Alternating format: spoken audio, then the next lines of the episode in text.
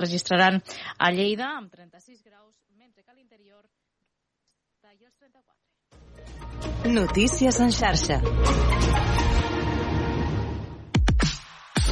Obert per vacances amb Manel Ferrer.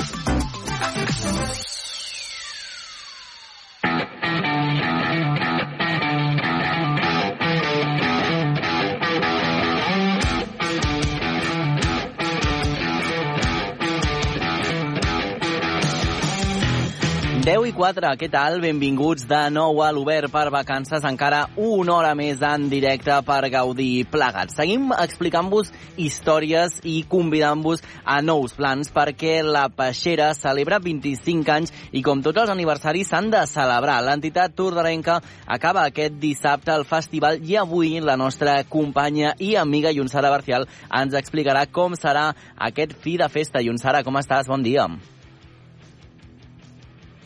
Manel, què tal? Com estàs? Doncs amb moltes ganes eh, de tornar novament al programa després d'unes setmanes de, de vacances, però, mm -hmm. però vaja, molt contenta, eh? Molt bé, doncs escolta, tenim moltes ganes de que ens expliquis. Vinga, doncs anem a saludar la nostra... Sí, tant. Doncs anem a saludar la nostra propera convidada, és la presidenta de la Peixera, la Cristina Gell, que ja la tenim amb nosaltres. Cristina, bon dia, què tal? Molt bon dia, molt bé i, i bé, amb nervis de, de tenir ja l'última Peixera amb nervis, però suposo que ja tot preparat i també amb, amb aquesta energia que ja heu tingut eh, durant tots els dissabtes d'aquest mes de juliol, un festival que s'ha consolidat al nostre municipi, no és el primer any que se celebra, imagino que s'ha passat ràpid també eh, tot aquest mes. Sí, de fet, bé, no és el primer any, concretament l'entitat fa 25 anys i, i és la 24a edició del festival i aquest dissabte tindrem, doncs això, com deies, l'última nit de festival, portem ja dues nits i, i tindrem doncs, la, tercera, la tercera nit de festival demà mateix al Parc Prudència Bertrana. Doncs sí, punt i final a aquest uh, festival, que com deia ara la Cristina, doncs s'ha celebrat durant tot el mes de juliol. A més, ara també comentava que és una edició especial perquè es commemoren aquests 25 anys de, de l'entitat des de dins, des de l'organització. Tu com a presidenta també fa molts anys que estàs vinculada. Com esteu vivint també aquest aniversari? La veritat és que ens l'hem pres amb molta il·lusió i amb ganes.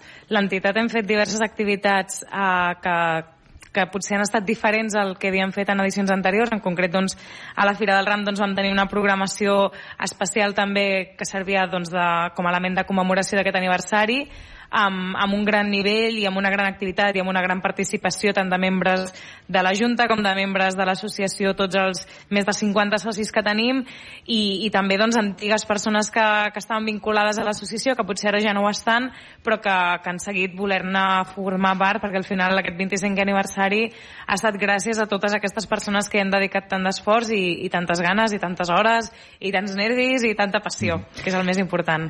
Per tots aquells que vulguin... No res, um, aquest no, anava a dir, per tots aquests digues, digues. que vulguin eh, conèixer una mica la, la feina i la tasca que feu dins de la peixera, eh, expliqueu-nos una mica què feu, com funcioneu com a entitat. Això és el que, el que m'agrada. Bé, primer de tot, no sé si, si se sap prou que la Peixera és una entitat que vetlla per la promoció de les arts escèniques, especialment emergents i de proximitat.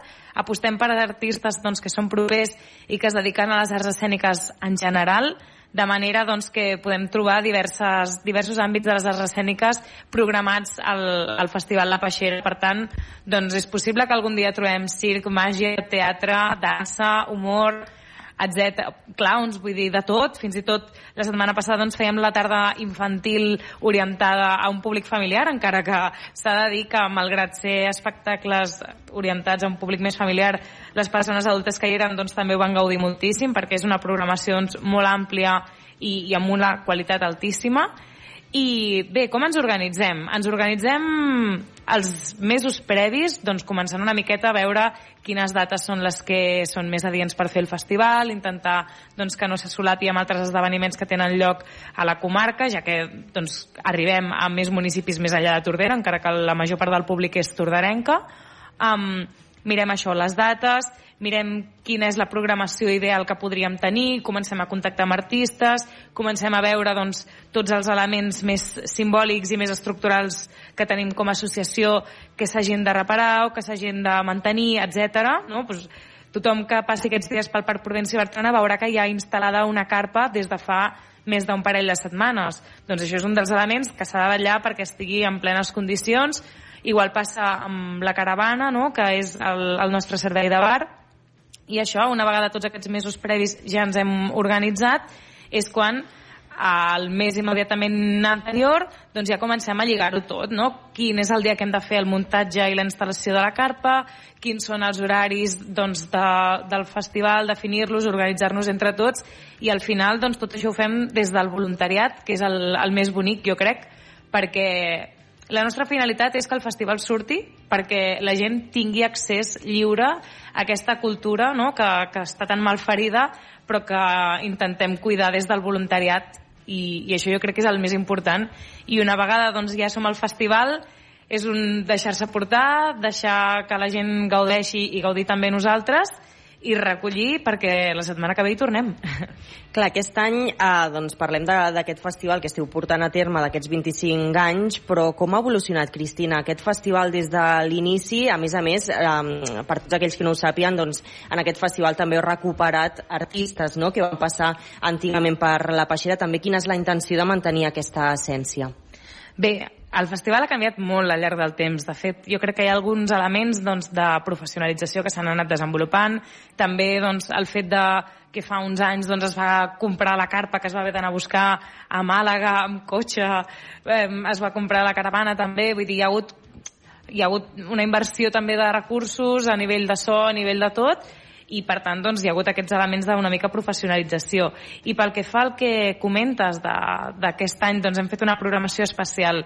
Demà en concret, eh, nosaltres l'hem batejat com a la Peixera Remember, i és que no tots, però la major part dels artistes, perquè ha costat una miqueta doncs, acabar de, de lligar els horaris amb els artistes, però els artistes que ens acompanyen demà són alguns dels artistes més ben valorats que han passat per la Peixera al llarg d'aquests 25 anys que, que tenim com a entitat.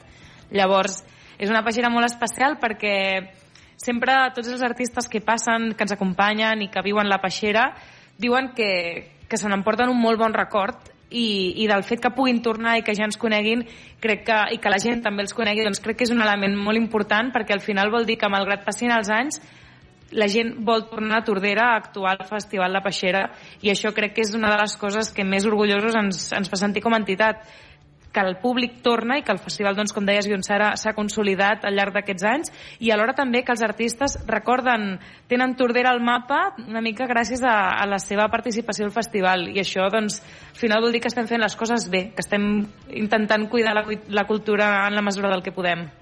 Doncs està bé que hagi evolucionat d'aquesta manera, que s'hagi consolidat també al nostre municipi. Et pregunto per al Festival de demà, és el que posa el punt i final, el que tanca l'edició d'enguany, més especial que mai. Uh, què tindrem demà dissabte que, que poden veure tots aquells que s'acostin al Parc Prudència i Bertrana? Bé, per als qui no estan acostumats a venir al festival, normalment les nits compten amb tres actuacions i estan conduïdes per un presentador que també doncs, està vinculat a les arts escèniques. Llavors demà tindrem com a presentador El Sobrino del Diablo, que és un cantautor que ha vingut en rol de cantautor en diverses ocasions, però demà farà una miqueta aquest rol entre cantautor també i presentador, llavors jo crec que és una aposta molt interessant. Llavors, en primer lloc, eh, la primera actuació de la nit serà a càrrec de Luciérnagas Teatro, que va venir fa uns quants anys. Són de fora de Catalunya, de fet, i, i fan uns quants quilòmetres per poder venir amb nosaltres i fa uns anys van fer una actuació que va ser brutal i que, i que el públic en va sortir molt content i aquest any doncs, tornen per oferir-nos una altra actuació que de ben segur que, que ens agradarà a tots. Després eh, tenim tres monòlegs a càrrec d'Albert Floyd, que també és un gran conegut guionista i, i, una, i una persona bastant destacada del món de stand-up. Fran Fonrodona també, que és, ja va venir fa un parell d'anys, que és guionista de l'Està passant i que també és una persona molt moguda en l'àmbit de l'stand-up, és d'aquí Malgrat de Mar, ha fet algunes iniciatives a nivell de comarca que són bastant entretingudes, ha tocat la flauta dolça malament al Palau de la Música i, i té un gran talent i també la Yael Brusca que és una persona que és de Sant Pol de Mar que també està molt posada en, en temes de stand-up, en micros oberts, eh, surt també al Zona Franca i també té un grandíssim talent. i per acabar doncs, tenim un concert molt esperat, que és el retorn de Joan Colomó a la Peixera, que, que torna demà i que també ens fa moltíssima il·lusió, que fa uns anys doncs, va venir i també ens va agradar molt en aquest format doncs, sota la carpa més íntim i, i res, moltes ganes.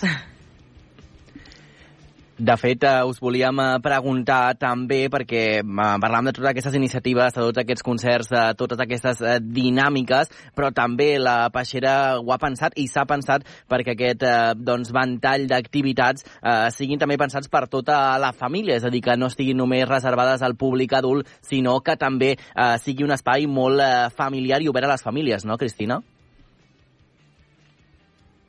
Sí, de fet és que és així.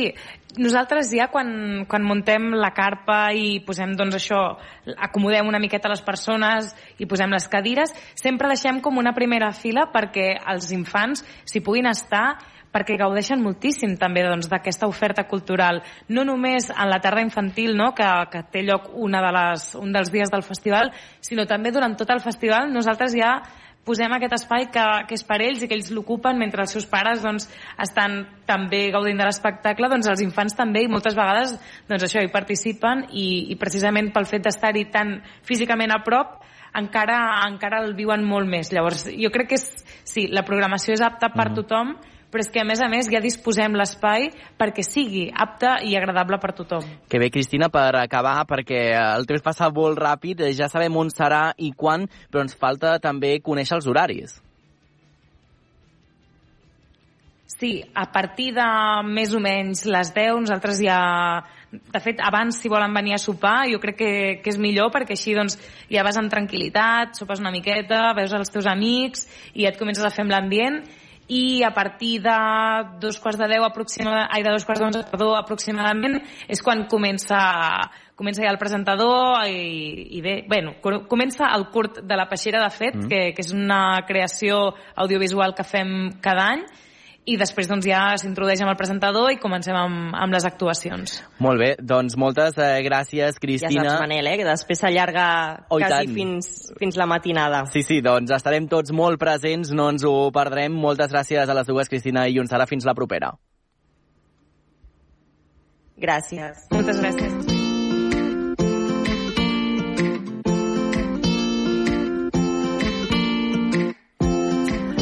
Quart i un minut d'onze. Avui en el nostre viatget descobrim la història natural de Vilafant i aprofitem, atenció, per passar la tarda a Figueres amb el geni del surrealisme, Salvador Dalí.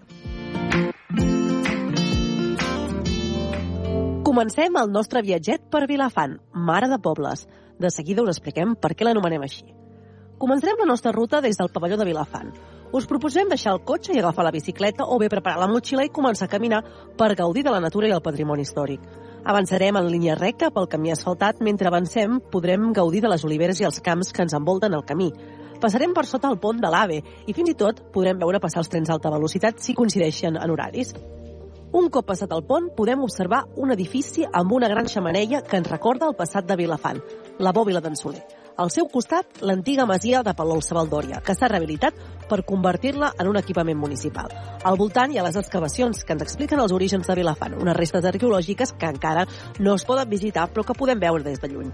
L'historiador vilafantenc, Toni Cobos, ens explica la importància de la bòbila i també de Palol Sabaldòria. Doncs Palol Sabaldòria, que havia estat en el seu temps, a l'edat mitjana, havia estat un, un, un nucli independent, doncs té una, en, en molt pocs metres té l'essència de tot el que és el passat de Vilafant. D'una banda, la rajoleria, la fabricació de rajols, com sabeu, que va arribar a tenir fins a 20 rajoleries en el moment d'esplendor que va ser els, els tomats del segle XIX segle XX, entre 1890 i 1914, la Primera Guerra Mundial, que hi havia moltes, com s'ha dit, moltes rajoleries, i va quedar, finalment es va establir la d'en Rafael Soler, que es va d'alguna manera menjar les altres, però que amb la seva mm, xemeneia imponent doncs es mostra la seva grandesa en aquell moment. I ara, res, a 200 metres pràcticament, doncs les ruïnes meravelloses de, d'una banda, és tot el passat de, de, de història de Vilafant i de la zona, vull dir, des d'una fundació ibèrica romana, probablement, eh, després la, la capella medieval, l'església medieval de Sant Miquel, el castell amb el fossat impressionant, la, la torre, i la gran, el gran casal del, del Renaixement de l'any 1500 fet per Antic Garriga, vull dir que en molt poc espai i, i el Manol al costat, o sigui, és una delícia de lloc. Si seguim el camí arribarem fins al riu Manol, on hi trobem una passera de fusta que ens permetrà creuar el riu. Un cop travessem el riu, podem seguir el camí i gaudir del patrimoni natural, seure una estona a les taules de fusta que trobem tota vora del camí i treure el nostre entrepà per fer un petit pícnic. Un cop asseguts, podrem veure les restes de Palol Sabaldòria des d'una altra perspectiva. Si continuem caminant o bé pedalant, amb la nostra bicicleta arribarem fins a l'alzina de Can Massanet, un gran arbre centenari d'on hi brolla una font. D'aquest patrimoni natural ens en parla el biòleg Josep Maria de Costa. I tenim a l'esquerra tot uns talusos de roca sorrenca, que aquesta roca és la que va servir per construir eh, les escultures que es van trobar a la serra del Mas Bonet quan es van fer les excavacions del TGV. Roca sorrenca que va donar lloc a un cap de bou i algun menir.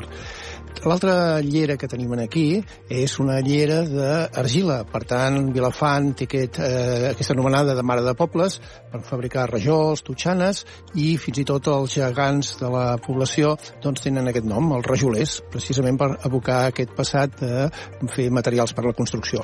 Al damunt d'aquesta ribera que tenim vegetació de bosc de galeria, eh, que tenim diversos arbres. Tenim des de pollancres, àlbers, tenim algun plàtan, tenim canya, que al municipi del costat, Santa Llogaia, es feia servir per fer encanyissats en, obra, en les construccions de les cases, i en aquesta fauna que tenim, fauna pròpia de riu, com blauets, si tenim prou paciència els podrem observar. També, com que hem parlat d'argiles, eh, hi fan niu els aballarols, que és un ocell molt vistós, per cert, diuen que és l'ocell més català que hi ha, perquè ve per Sant Jordi i marxa per la diada de l'11 de setembre, i podrem veure diversa fauna lligada al riu. Eh, no ens passaran per alt els crancs americans de color vermell, que ens els trobarem per tot arreu, no s'espanten i fins i tot ens planten cara. Probablement l'estrella del nostre itinerari sigui l'alzina de Can Massanet, que és el final d'aquest itinerari pedestre tan maco, i aquesta alzina té la llegenda de la símbia, creada per la vilafantenca Esther Palomeres, que resumeix que un noi es va enamorar d'una fada de, del riu, una dona d'aigua, i per poder consumar el seu amor, ell es va convertir en arbre i ella amb la font que brolla de la soca d'aquest arbre monumental. De ben segur que després d'aquesta ruta a peu ens haurà entrat gana i ja serà el moment de dinar. Us proposem degustar el menú de migdia de cuina d'autor i de mercat del restaurant La Tartana de Can Massanet, que es troba just al darrere de la Gran Alzina. El preu del menú són 23 euros amb 50 i els dimecres és tancat per descans setmanal. Després de gaudir del bon menjar d'aquest restaurant que ens permetrà també descobrir part de la masia de Can Massanet, desfem el camí fet durant el matí i tornem cap al nostre cotxe. Us proposem acabar aquest viatge agafant el cotxe i conduint uns 5 minutets fins a Figueres, la capital de l'Alt Empordà, per tal de gaudir de la cultura surrealista. Aparcarem el nostre vehicle a prop del Museu Dalí. Us proposem descobrir tant l'exterior com també tota l'obra exposada a l'interior del museu. El preu de l'entrada són 17 euros. La directora dels museus Dalí, Montseguer, ens recomana alguns dels racons més interessants del museu. Hi ha, hi ha sales fantàstiques, com la sala del tresor, on podem veure des de l'aspecte del appeal fins la panera del pa, hi ha la sala Maigüés, que és una sala eh, eh, que crea Dalí a partir d'un dibuix i en homenatge a aquesta actriu o hi ha la sala al Palau de Vent on Dalí eh, que era un gran fan d'Itàlia eh, pinta tot el sostre amb el Palau del Vent que és el Palau de la Tramuntana no? llavors és un museu que has d'entrar amb ganes de, de ser sorprès, de ser provocat i sobretot hi ha una visita que recomano molt que és a la nit, al mes d'agost, que es pot veure a la nit. Llavors tenim una visita reduïda a 500 persones que permet eh, visitar-lo tranquil·lament, que s'acaba amb uns passis audiovisuals on podem escoltar entrevistes eh, Dalí, molt divertides, i a més t'ofereixen una copa de cava. Llavors tot aquest conjunt fa que la visita del mes d'agost sigui molt especial. I aquí acabem el nostre viatget, un viatget que segur que us haurà deixat amb ganes de molt més, ja que l'Empordà és una zona amb un gran patrimoni natural i també cultural.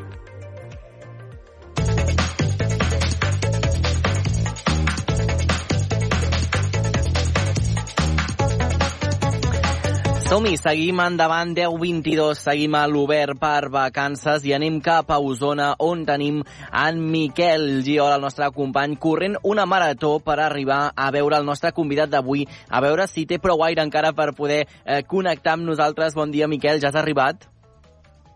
Sí, eh, sí, Manel, justet, però aquí estem després de córrer uns quants quilòmetres. A veure. Avui hem arribat al, al Puig dels Jueus, una zona boscosa mm -hmm. i una mica apartada de Vic, on, si, on sovint s'hi troben tot tipus de persones que fan esport, surten a caminar o fan activitat física. Uh, en, i, i, en, I com que l'estiu és una època difícil uh, per, per Clar. fer l'esport amb aquesta calor, i ens, avui ens hem trobat amb en Jaume Palau, que és, el so, és soci i director tècnic del gimnàs Fitness Vic d'aquí Vic, per parlar de l'esport. Bon dia, Jaume, i gràcies per acollir-nos avui. Gràcies a vosaltres, un plaer. Jaume, com comentàvem, és, un, és una època difícil per fer esport. Quins són els consells més recomanables per fer-los d'una manera saludable ara que, durant l'estiu? Bé, sempre a l'estiu hem de pensar en les condicions a vegades més extremes que de temperatura, sobretot, no? Sempre és bo fer activitat física, l'únic que tot depèn de la condició física que tingui cada persona, no? Llavors, una persona que estigui habituada a entrenar i tingui un bon nivell de condició física, el hàndicap de la temperatura no serà tan gran com una persona que, per exemple, només en faci a l'estiu, no? Llavors, quan estem parlant d'activitats a l'aire lliure, que pot haver-hi calor, si ets una persona que estàs entrenada, ho pots fer, però sempre has de tenir uns hàbits bons, no? Has d'hidratar-te, has de menjar, i si pots inclús refrescar-te amb alguna font o amb algun rierol que, que hi hagi a prop, doncs és, és per baixar la temperatura corporal va, va superbé, no? I llavors la gent que potser no hi està acostumada el que recomana és més a primeres hores del dia, perquè el dia és llarg i es s'agraeix a vegades començar l'esport a les 6 o a les 7 del matí, que és quan es fa de dia, o últimes hores de, de la tarda vespre, no? Això eh, és ideal. I més aquí, eh, sobretot a la plana, tenim un entorn que et permet sortir pràcticament per tot arreu, fer moltes activitats a l'aire lliure i passar-t'ho superbé. Miquel, també hauríem de saber també, eh, doncs, eh, ens donàveu ja algunes pistes, però on és millor fer esport eh, també doncs, en aquestes èpoques que fa tantíssima calor i també en quins horaris? Bé, el, tema dels horaris i això tot depèn de cadascú, no? perquè els, els hàbits i els horaris de feina i això també et limiten moltes vegades. No? Eh, clar, tenim diferents opcions de fer-nos a fora en funció de la temperatura i la contaminació física, doncs tu triaràs l'hora que puguis fer-ho, i si no també tenim els centres de fitness que estan en, en llocs tancats i que, per exemple, en el nostre cas tenim una climatització molt bona que tu estàs entrenant a 23, 24, 25 mm. graus, per tant, a hores de màxima calor, que a vegades estem a més de 40, pràcticament, com ha passat aquest estiu a primeres setmanes de juliol, pots entrenar dintre amb una, amb una sensació de tèrmica molt bona i, en canvi, doncs, si no ets tan tolerable a la calor, doncs pots sortir fora a primeres hores o últimes del dia. Clar. Per exemple, estava pensant, no sé quina diferència hi ha entre fer esport dins del terme urbà o sortir, per exemple, doncs, al bosc. Quins avantatges té el fet d'allunyar-se una mica del poble o de la ciutat per fer esport? Bé, evidentment, sempre l'entorn molt més recomanable és fora de la ciutat, no? O, mm. o com a mínim en parcs. Eh, nosaltres aquí tenim l'avantatge que en dos minuts ets fora de, Clar. de la ciutat de Vic, no? A Barcelona també doncs, hi ha, en grans ciutats eh, hi han parcs i llocs. Jo recomano, per exemple, inclús a nivell d'impacte, molta gent que va a córrer, molta gent corre eh, amb sobre terra, superfície dura, sobre asfalt, sobre ceres, això a nivell articular no és gaire recomanable, no? sobretot tant a nivell de genolls, de, de turmells, de l'esquena. En canvi, si tu surts a el, el mitjà ambient, a fora, en prats, a camins de terra i herba, l'impacte no és tan gran i és molt més saludable. I a part també el tema d'anar amb, bicicleta. El tema de bicicleta és molt més agradable i molt millor estar en un entorn que puguis gaudir del paisatge que no pas estar sempre en una gran ciutat envoltat de cotxes, sorolls i la contaminació mateixa perquè en aquesta línia cada matí quan ens llevem eh, per, per tenir una, una, condi una condició estable i mantenir una forma física constant, quina seria una rutina recomanable perquè eh, seguíssim les persones durant l'estiu? Mira, jo el que recomano i el que he vist durant tots els anys que m'he dedicat al, a l'entrenament i a la preparació física i, i simplement donar un servei de condició física a, a la gent del, del carrer, diguéssim, és fer-ho les primeres hores del matí. Perquè les primeres hores del matí simplement tu t'has de llevar, esmorzes una miqueta, tampoc molt, i tu pots sortir a fer activitat física. I després tens tot el dia per endavant. En canvi, la gent que busca eh, frança del migdia al vespre, sempre a vegades tens un dinar, al vespre a vegades fa mandra... Per tant, la gent que és més fidel, inclús a mm. fitness, és la gent que ve a partir de les 6 del matí. Hi ha gent que ve pràcticament cada dia a la mateixa hora. I és això, és, al final és, és l'hàbit de llevar-te. I, I si t'has de llevar, jo crec que tant és llevar-te a les 6 com, com a les 7 és el moment de llevar-te. Ara, vés-te'n a dormir una mica d'hora i que puguis descansar, perquè el descans també és important. Totalment, eh? De fet, eh, en tot això, Jaume, també en el món de l'esport i de l'activitat física també hi ha modes i tendències. Eh, quines modes hi ha ara en quant a activitat física? Què està fent la gent ara de nou, que s'ha posat ara de moda? Mira, eh, aquí, sobretot a la plana, però jo he estat fora aquests mm -hmm. dies i també ho he vist, és el tema de la bicicleta. La bicicleta de muntanya, sobretot elèctrica. N'hi ha moltes de bicicletes elèctriques. Hi ha gent que diu, oh, és que vas en bici elèctrica. Bé, la bici elèctrica és diferent per diverses coses. Una, permet fer activitat física amb gent que potser amb una bici normal no podria anar-hi, eh? inclús mm -hmm. gent que potser té alguna patologia cardíaca que no pot fer un esforç molt gran amb una bici elèctrica el pot graduar gent que estan en forma i busquen més un tipus de terreny com corriols, trialeres i amb aquest tipus de bicis més semblant a una bici d'enduro, doncs poden gaudir molt més i al mateix temps fer molt més quilòmetres, no? I l'altre que també està molt de moda és el crossfit. El que passa el crossfit és una activitat molt, molt dura i jo crec que moltes vegades eh, l'exigència de, de les càrregues que treballes i si no fas el moviment ben fet poden ser nocius Clar. per la salut. No? Llavors jo recomano que sí que pot, la gent pot fer crossfit, però sempre ho han de fer amb un professional ben assessorats i vigilant sobretot eh, el seu cos perquè al final és l'únic que tenim fins al final de la nostra vida i l'hem de cuidar. Clar. I a banda de les modes, quines són les activitats recomanables ara a l'estiu? Tot depèn una mica de, de, de les edats, no? perquè eh, un esport potser més de resistència, com és el caminar, el córrer, anar amb bici, això, potser ho fa la gent més aviat més grandeta de 30, 40, 50, 60 anys. El tema de caminar amb pals és molt complet perquè et permet eh, treballar molt més tot el cos que no passi només caminar sense, sense els pals, la bicicleta, i llavors potser sí que la gent més jove li agrada més el tema de, de la força, d'entrenar en, un, en un gimnàs, les peses, i l'altre que també enganxa molt són les activitats dirigides. No? Nosaltres, per exemple, a Fitness tenim més de 65 activitats dirigides a la setmana i les classes són un mitjà socialitzador, empàtic, tens un professor, estàs amb altres companys, i és una cosa que, a més a més, fa que durant l'activitat física no pensis, la qual cosa a nivell mental l'exercici és molt bo, eh, a part de que t'ajuda inclús a nivell de patir alguna enfermetat que potser et fa prendre uns medicaments amb l'activitat física, com per exemple el tema de diabetis o eh, altres patologies, pot arribar a curar això i no haver-te mm. de prendre ni, ni, ni una pastilla al dia.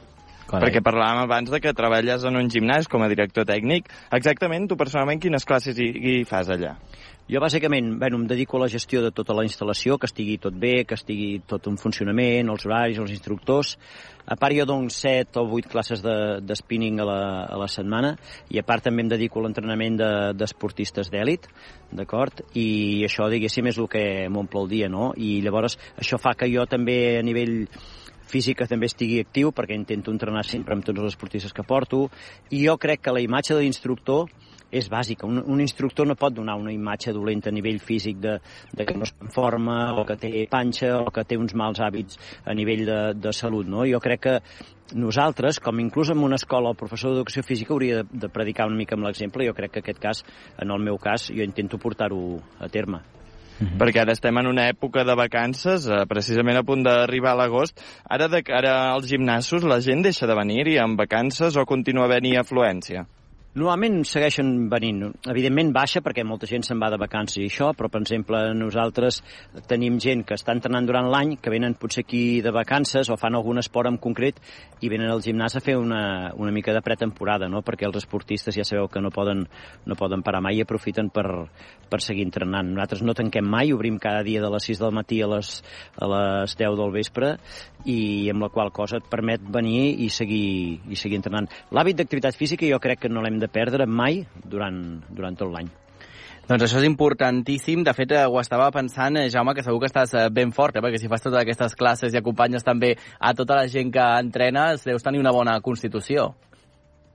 Sí, sí, mira, precisament l'altre dia, fa dos dies, vaig fer 58 anys i la veritat és que em trobo bé i la gent diu, ostres, quants anys, no sé què. Bueno, jo mentre pugui fer anys i trobar-me bé i surto amb esportistes realment de, de nivell mm. i que veig que els puc seguir tranquil·lament o inclús mm, tenen feines per seguir-me, doncs això m'omple d'orgull, no? I, bueno, però a part ja és la, la meva manera de ser, d'estar en forma, jo sempre a casa he viscut l'esport i la salut i això m'ha condicionat tota la vida, no? I lligat una mica amb això, jo crec que és important el parlar de l'operació Bikini, no? que parlàvem amb Miquel abans.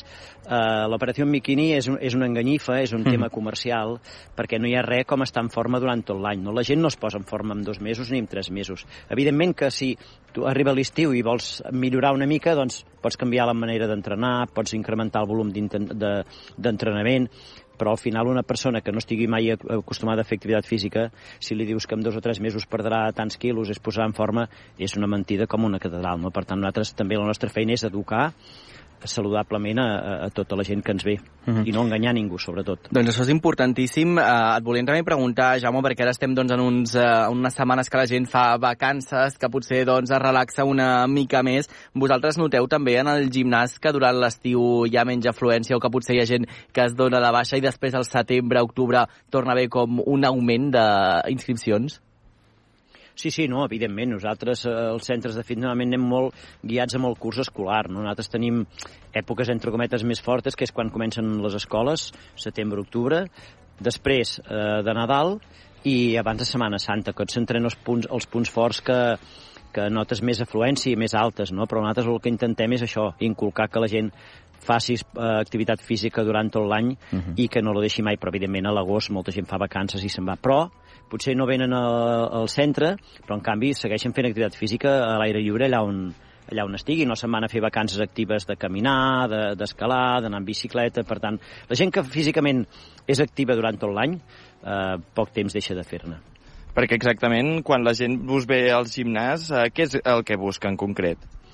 Una, la millora física, evidentment, està bé. Nosaltres tenim el, el lema de vitalitat i salut, no? Una persona que estigui físicament bé, eh, a nivell mental també estarà molt més bé, es trobarà molt millor a nivell general, l'estat d'ànim, i l'altre és que a nivell de laboral segur que rendirà més i no tindrà baixes com gent, per exemple, que, que no es cuidi gent i cada dos per tres tenen algun problema, alguna malaltia, alguna patologia, tant a nivell de, jo que sé, de constipats o refredats com a nivells d'esquena, de mal d'esquena i això, doncs una persona físicament activa sempre estarà molt més bé durant, durant tot l'any.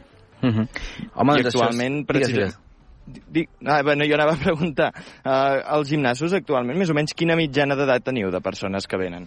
Mira, cada vegada la mitjana d'edat va incrementant-se una mica, no? Eh, nosaltres tenim pràcticament un 50% de la, de la gent que són de 45-50 en amunt. Tenim una persona que ve pràcticament cada matí, que té 84 anys. Tenim una senyora que ve a la piscina fer entrenaments personals que té 93 anys. I, i, i homes i dones normalment tenim el 50%, no? Però realment la gent que s'adona que s'ha de cuidar més perquè ens anem fent grans i això és de 50 potser en amunt. Carai.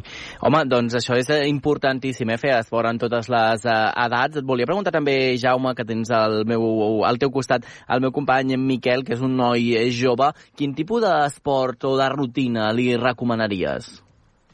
Mira, nosaltres el que fem és quan ve un, un client nou i s'apunta, li, li donem una hora d'entrenament personal, que consisteix en una entrevista amb un dels instructors eh, se li fa aquesta entrevista, ten, sabem els hàbits, sabem el que li agrada, com està, si té alguna patologia, i a partir d'aquí se li crea un, un programa de treball. No? Llavors, a vegades combinem un treball a la sala de fitness, més de cardio i de, i de potenciació de la força, de la musculatura, de l'agilitat, i també treball de propriocepció, que és un treball de prevenció de, de lesions, però també intentem combinar-ho amb treball a dintre a la piscina, fem classe tècnica d'estils, d'entrenament, i també recomanem molt, que és el que fidelitza més i que la gent s'ho passa més bé, i és el que dèiem, que desconnecta, que són les activitats dirigides, mm -hmm. no? I les activitats, activitats dirigides estan en temps a nivell més de relaxació i més suaus, com activitats tipus HIIT, que és entrenament intervàlic, body pump, que és un entrenament de força, però tot amb un instructor i amb altra gent, i fa que amb això tu passis molt bé, no? Depèn de cada persona, en funció mm -hmm. de lo que vulgui, com estigui i les necessitats que, que tingui.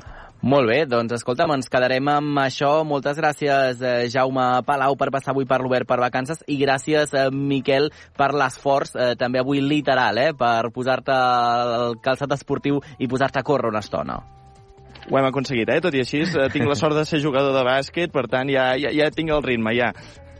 Escolta'm, doncs eh, t'hem de veure un dia en acció, eh? Mira, ja tenim una altra idea per una connexió, que vagis un dia a fer un partidet de bàsquet, què et sembla? Bueno, difícil de portar el micro, però es pot intentar aconseguir. Intentar, escolta'm, aquí ens agraden els reptes. Va, ho tenim, gràcies, Sí, Miquel. Fins la propera. Que vagi bé. Adéu. Sintonitza Obert per Vacances.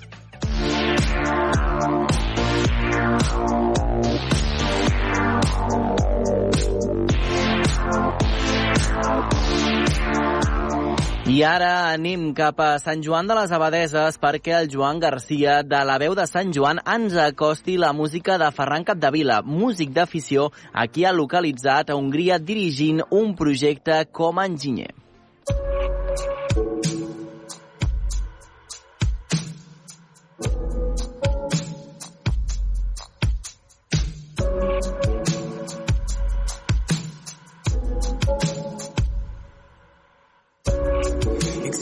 Ben de pressa però no he aixecat mai el vol. Avui us presentem en Ferran Capdevila, un sant joaní que ha decidit compartir el seu món interior mitjançant la música. Fa un any en Ferran ens va sorprendre amb un viatge introspectiu a través del seu debut, Cremar les naus, acompanyat d'instruments diversos i amb una mescla d'estils musicals. En Ferran, però, es troba en aquell moment dolç d'un artista que comença i que això li permet experimentar pel simple fet de fer-ho o de trobar el seu camí. Hola, Ferran.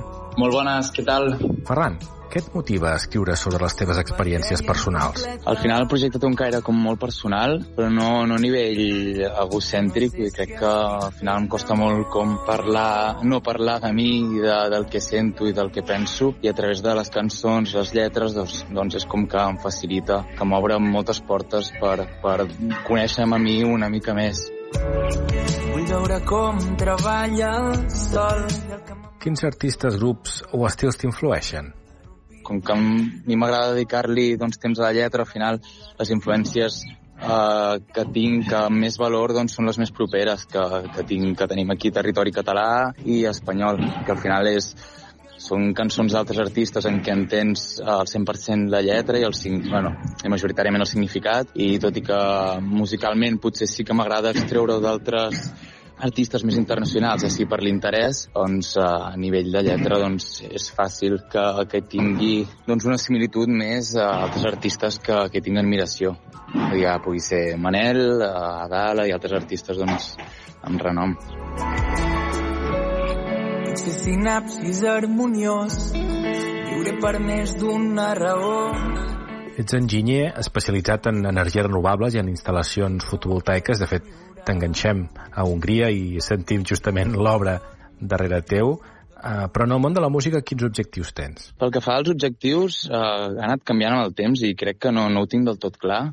Però al final, uh, tot el que dedico a la música és, és molt passional i, i a vegades fa por que això es pugui perdre quan aquesta es pugui transformar doncs, en una feina, en un utòpic cas. I ara mateix doncs, el que intento és dedicar-hi tot el temps possible i tot l'amor que requereixen les cançons i, i això, i donar cabuda doncs, tot a, a, a tot el que vingui de nou. Però sí que doncs, amb la limitació aquesta de que si algun dia perdo alguna d'aquesta part eh, que per mi és important, doncs més um, emotiva que, que tinc ara mateix, doncs sí que crec que una, una bona idea seria recular.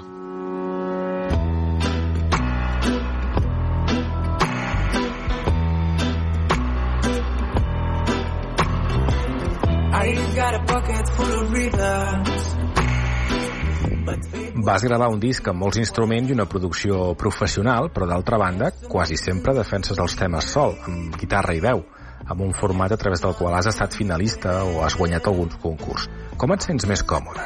Sigui, idealment, doncs, eh, jo em defensaria millor doncs, només cantant, ja que al final la guitarra doncs, per mi és un més recurs, una ajuda per tal de que, doncs, que sigui música el que faig i també he experimentat el tema de, de fer en banda, però no és fàcil, o sigui, crec que hi ha, hi ha molts...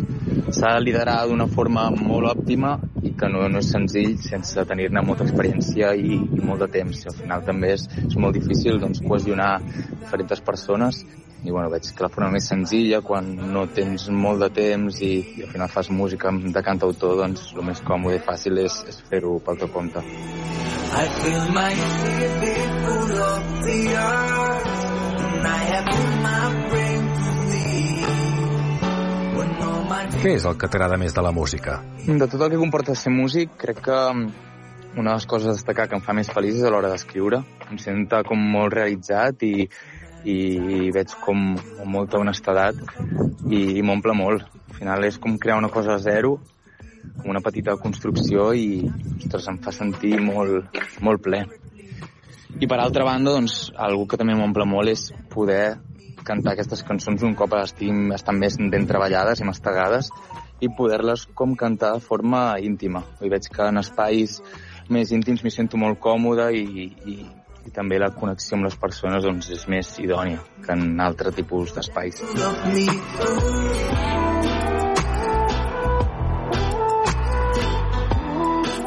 Aquest estiu en Ferran no farà gaires concerts, per la feina i perquè ha participat en una obra de teatre musical de petit format a Barcelona. Ha fet un parell de directes i n'hi queden un o dos més. L'únic que té confirmat és el del 27 de juliol a Caldes de Malavella. Això sí, a partir del setembre estrenarà i defensarà un nou EP i a risc que els seus productors li piquin el crostó, ens ha passat aquest fragment de cançó inèdita. Vull estimar el meu jo i estimar-te molt. I estimar-te molt. I a la merda jo.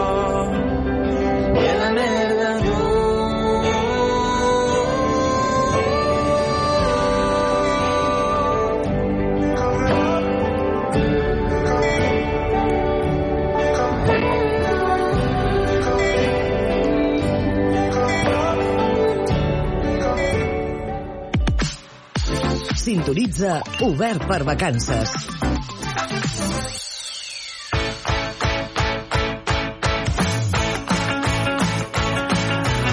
Gairebé quarts d'onze del matí seguim en directe a l'Obert per Vacances a la teva ràdio local. El moment ara de repassar l'agenda cultural d'arreu de Catalunya amb la col·laboració i l'ajuda del nostre company Àlex Riba. Molt bon dia, com estàs, Àlex? Molt bon dia, Manel. Doncs aquí, eh? Ja estem, estamos ready. Exacte, doncs estem ready per començar a repassar aquesta agenda. Cap a on ens portes avui? Doncs mira, per començar et proposo una combinació entre bona música i platja, eh? És una, Mm, és una m'agrada. barreja que estem fent molt eh, aquí a l'Obert per Vacances. M'estic referint al darrer concert del cicle Nits vora al mar, a Cunit, que anirà a càrrec de Guillem Albà. L'artista representarà l'espectacle Marabunta, un show de pallassos amb música pròpia en directe. Uh -huh. L'actuació és gratuïta i tindrà lloc aquesta nit a dos quarts d'onze a l'esplanada situada al costat de l'oficina de turisme. Molt bé, doncs escolta, amb un superpla, un bon espectacle gratuït i al costat del mar. És que què més es pot demanar, Àlex? Jo crec que és una combinació perfecta. Sí, sí, però si ets més de jazz, eh, avui arrenca justament el 31è Festival de Jazz d'Arenys de Mar, Mm. que a més eh, en vam parlar, diria que fa dues setmanes. És veritat, sí, sí. Doncs mira, els concerts es portaran a terme, com és habitual, en el pati del Xifrer, tots els divendres a les 10 de la nit. La banda encarregada d'inaugurar l'esdeveniment serà Swing Engine Orchestra, una formació inspirada en big bands com les de Count Basie, Duke Ellington i Fletcher Henderson.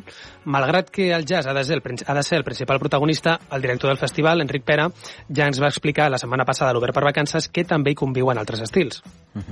Doncs aquest any tenim des del jazz típic de- d'orquestra, passant doncs, per soul, passant per una barreja entre eh, ritmes basilers i, i jazz, tenim blues i tenim al final doncs, un altre espectacle que serà eh, un tribut al Ray Charles. Durant el concert d'aquesta nit s'interpretaran clàssics de jazz com Chick to Chick, On the Sunny Side of the Street o I Can Give You Anything But Love. Molt bé, doncs escolta, amb una super oferta, un bon repertori, i fins quan s'allargarà aquest festival? Fins al 24 d'agost. Ja recordarem quan s'apropi el darrer concert. Per Mhm. cert, les entrades, Manel, per si Sí. encara, encara ets un despistat i no, i no n'has agafat, es poden adquirir a través de la pàgina web del festival. Uh -huh. Molt bé, doncs ja ho sabeu, eh? Aconseguir aquestes entrades, eh, la recomanació que us fem és que no us espereu massa, no, Àlex? Perquè potser a vegades ho deixem pel final i quan volem comprar aquestes entrades ja no en queden. Más vale prevenir eh, que curar. Totalment, totalment. Doncs eh, dit això, una proposta molt interessant i amb què acabarem la nostra agenda cultural d'avui? Doncs per acabar ens movem de la costa cap a l'interior, fins al Segrià, on aquest diumenge arrencarà un altre cicle de concerts anomenat Escenaris Singulars. Mhm. Es tracta de vuit concerts que es duran a terme a diferents espais patrimonials de la comarca lleidatana amb l'objectiu de posar en valor aquests indrets, alhora que es combina amb bona música de primer nivell. L'arpista Berta Puigdemassa inaugurarà el cicle juntament amb el percussionista Manel Cruz. I aquest concert, que sàpiguis, Manel, que Sí. tindrà lloc a les 8 de la nit a l'església parroquial de la Nativitat de Maria, a Montoliu de Lleida. A més, aquesta tercera edició del cicle incorpora un vessant gastronòmic, i és que després de cada actuació s'oferirà una varietat de productes típics Carai. de cada municipi. Doncs escolta'm, a qui no li agrada gaudir d'un concert i ja després rematar-ho amb un bon àpat, eh, Àlex? Jo crec que no hi ha cap persona que no li agradi això, eh? doncs jo crec que no. I fins aquí la nostra agenda cultural del cap de setmana amb la col·laboració de l'Àlex Ribà. Àlex, et volia preguntar amb quin dels tres plans et quedaries tu? Jo segurament em quedo amb el jazz. No sóc Mhm. un gran aficionat, però em desperta molt la curiositat, la veritat. Molt bé, doncs ens quedem amb aquest pla. Moltes gràcies, Àlex, i que passis un bon cap de setmana. Igualment, Manel, fins dilluns. Molt bé. Obert per vacances. A la platja, a la muntanya, a la teva ràdio local i també a la xarxa més.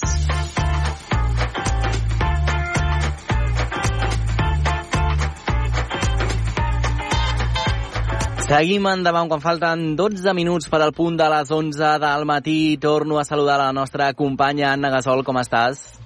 Hola, Manel. Segueixo molt contenta. Avui Sí, és eh? Es- dia de sorteig, repartit Exacte. premi. Sí, sí, estem encara amb aquesta ressaca, podríem dir, després d'haver regalat aquests 60 euros que s'acumulen a la targeta Moneder Bon Preu, en aquest cas de l'Àlex, que ha estat el nostre guanyador d'avui, eh?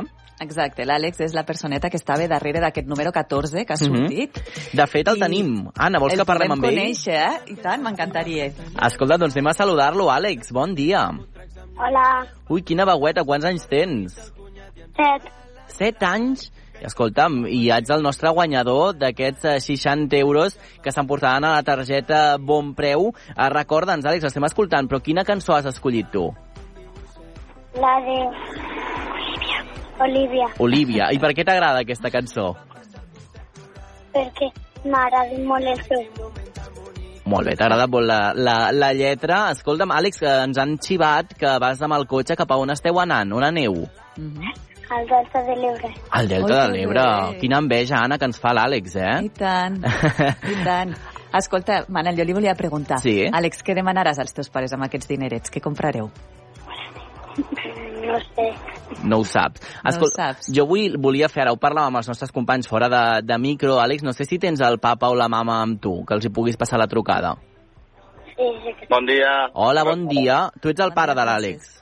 El Francesc, sí. El Francesc. Francesc, eh, jo he estat molt pesat tota aquesta setmana, a veure si ho podem solucionar, perquè, clar, jo deia, si guanya un d'aquests nens o nenes que han participat, jo crec que hauríem de gairebé obligar, encara que soni molt llest la paraula, que els papes eh, els hi compreu algun detallet amb aquests 60 eurets, encara que sigui una part d'aquest premi als nens que ho han fet molt bé, no? Què, Francesc, què et sembla?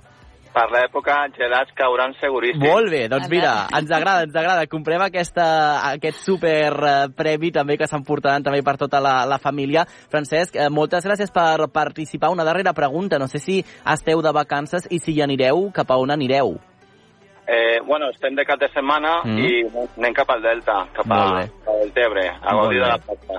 Doncs que gaudeiu moltíssim, Anna. Ens fan molta enveja, eh? Molta enveja i, ens fa, i, i molta il·lusió que participeu. Eh? Exacte, gràcies. Moltes gràcies, gràcies a tota la família. Gràcies per participar i bon cap de setmana. A l'alta, molt bé, gaudiu molt. Gràcies. que es casaven i ens diuen que serem una més Segur, Anna, que hi ha molta gent a casa que ara els estem fent dentetes i diuen, escolta, jo també vull aquests 60 eurets del bon preu. Què han de fer per participar? Com sempre diem, és que és de veritat que és senzill. Clar. Eh? Han d'enviar una noteta de veu al 628 841 055 al 628 841 055 i ens diuen el seu nom, el lloc, quina creuen que és la cançó de l'estiu i recordem que poden triar la que sigui, si és que els hi... antiga de ara, eh? la que Mhm, sigui, és obert. mhm. Molt I bé. això se'ls hi sumen aquests 60 eurets al seu compte. A més, de eh, bon preu. exacte, aquest eh, compte que el podeu fer vosaltres a través del telèfon d'atenció al client, també a través del web, a través de l'aplicació, és gratuït de les tres eh, maneres, però Anna, ja estem rebent nosaltres nous missatges per al concurs de la propera setmana. I tant, ja comencem a recopilar participacions Mhm. i, i si vols us en fico Oh, una tant. mostreta. Hola, bona tarda. Soc la Yolanda de Riells i Viabrea. La meva cançó de l'estiu és Olivia de Tallets, perquè m'agrada molt. La trobo Repe. molt d'estiu. Repe, repe. Hola, sóc el Pere de Bonellussa i la cançó de l'estiu és Torero. Hola, buenas, soy Sergio Ganado, soy de, de. Tarragona y bueno, una de las canciones que para mí fueron como canción del verano porque la tenía muchos años en la cabeza es la canción de inicio de, de Dragon Ball GT, que para mí era muy pegadiza, la de miles de kilómetros sin Bravo. ti y nuestro camino se cruza al fin, quisiera ser un niño que eh? olvido crecer. Escolta'm, quin crac. Anava Diana que en Sergio Ganado ja ha ganado. Encara no sabem qui ha guanyat, però ell ha ganado, eh? Ella és guanyada de per si, molt. Totalment, totalment. Porten el cognom la victòria, la victòria.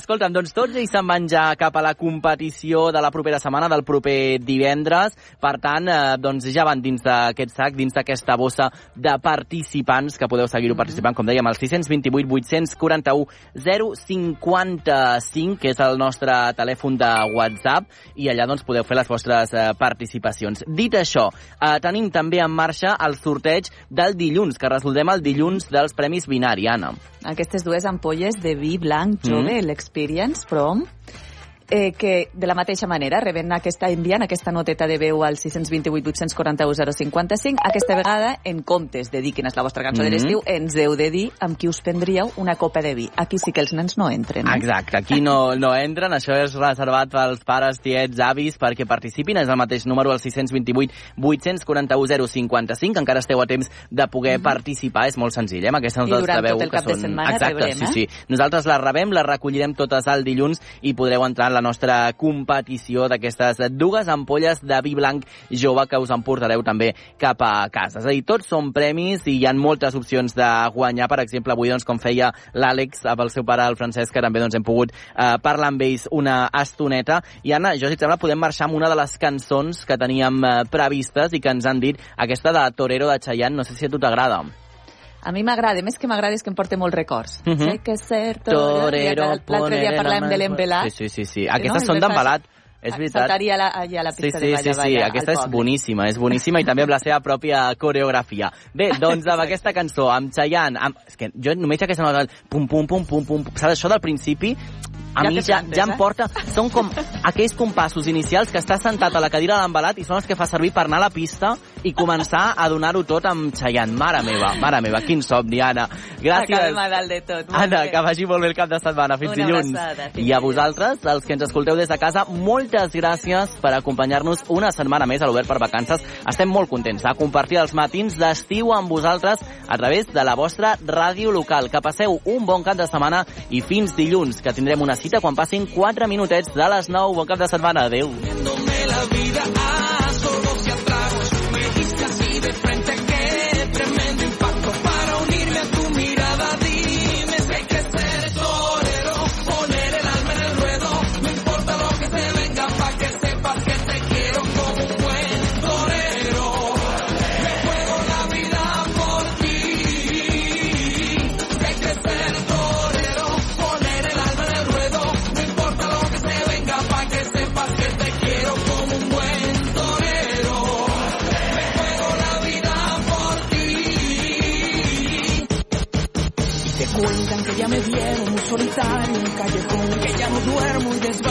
que el humor ya me cambió. Y tú, ¿por dónde estás? Que mi presión ya no me da. Te buscaré, vuelve conmigo. Y que tú no sabes que yo te necesito como el perro al lado. Que si tú no respondes aquí todo es caos. Me diste así de frente, qué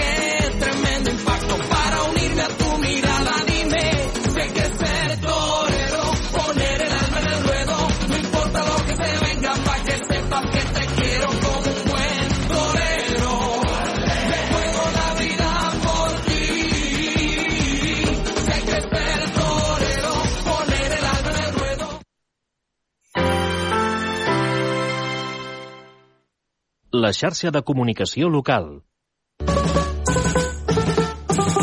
Propostes en xarxa.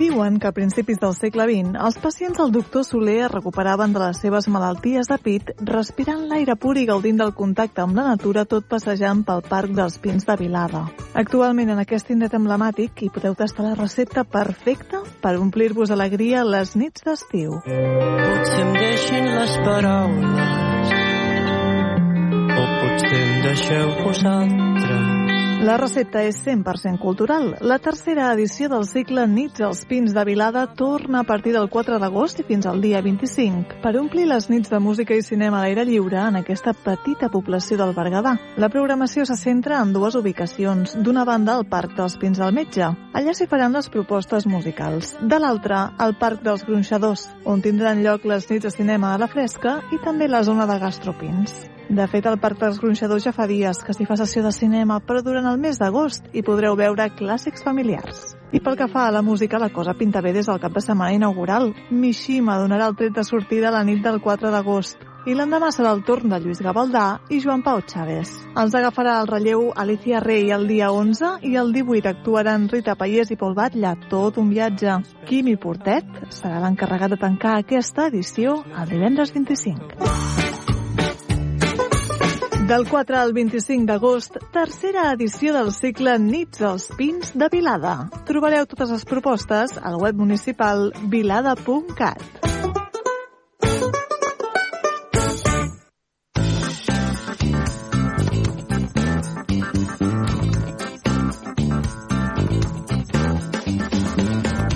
¿Sabías que el calamar NOP es troba a l'oceà Pacífic Occidental a profunditats de 183 a 366 metres i és bioluminescent. El mantell, el cap, els braços i els tentacles estan repartits de petits òrgans productors de llum anomenats fotòfors. La llum atrau els peixos petits, dels quals els calamars es poden alimentar. Aquest calamar té tres pigments visuals ubicats a diferents parts de la retina que probablement permeten la discriminació del color, cadascun amb sensibilitats espectrals diferents. Aquest calamar mesura aproximadament 8 centímetres de llargada i en la maduresa mor després d'un any de vida. Té vuit braços estàndards i dos tentacles, cadascun amb tres òrgans brillants que emeten llum a les puntes. El calamar passa el dia a les profunditats, tornant a la superfície quan la nit cau. Utilitza les seves habilitats per detectar i produir llum per a camuflatge de contrail·luminació. Combina la brillantor i el color de la part inferior amb la llum que prové de la superfície, cosa que dificulta que els depredadors el detectin des de baix.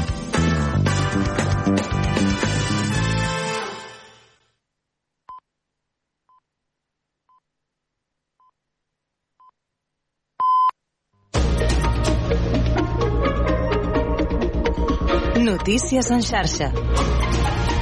Bon dia, són les 11, us parla Maria Lara. L'índex de preus de consum ha augmentat un 0,1 al juliol en relació al mes anterior i ha elevat 4 dècimes la seva taxa interanual fins al 2,3% a causa principalment de la pujada dels preus dels carburants i també dels paquets turístics. Amb l'abans d'aquest mes, la inflació reprèn els ascensos i posa fi als dos mesos consecutius de caigudes que van posar l'IPC a l'1,9% en el seu menor nivell des del març del 2021. Tot i això, són les dades avançades publicades ahir per l'Institut Nacional d'Estadística. I ens n'anem ara fins a Barcelona perquè els socorristes han convocat una mobilització aquest matí a la plaça de Sant Jaume per protestar per la manca de personal en plena temporada d'estiu i també una millora en les condicions laborals. Allà hi tenim a la nostra companya, l'Anna Ruiz. Anna, quin és l'ambient ara mateix? Bon dia es concentren des de les 10 del matí a la plaça Sant Jaume. Ho fan per protestar per les condicions laborals de l'empresa concessionària del servei, però també per pressionar l'Ajuntament de Barcelona perquè negoci directament amb ells. El portaveu del comitè de la CGT, Luis Muñoz, explicava d'aquesta manera quines són les seves principals demandes. La principal reclamació és que falta plantilla, falten socorristes, aleshores ens veiem abocats a fer més tornos de vigilància amb el dèficit que això genera al servei, a la qualitat del servei, no tenim els descansos correctes i, a part, eh, està venint gent d'altres platges contractats a treballar sense passar les proves pertinents, sense saber si estan realitzant els descansos i sense saber si tenen la mateixa escala salarial. Els socorristes de Barcelona calculen que caldrien 10 socorristes més per assegurar la qualitat del servei i denuncien a més que estan venint socorristes d'altres platges, per exemple de Calafell, per completar els forats que provoca aquesta vaga, una vaga indefinida que comença avui per part del sindicat CGT.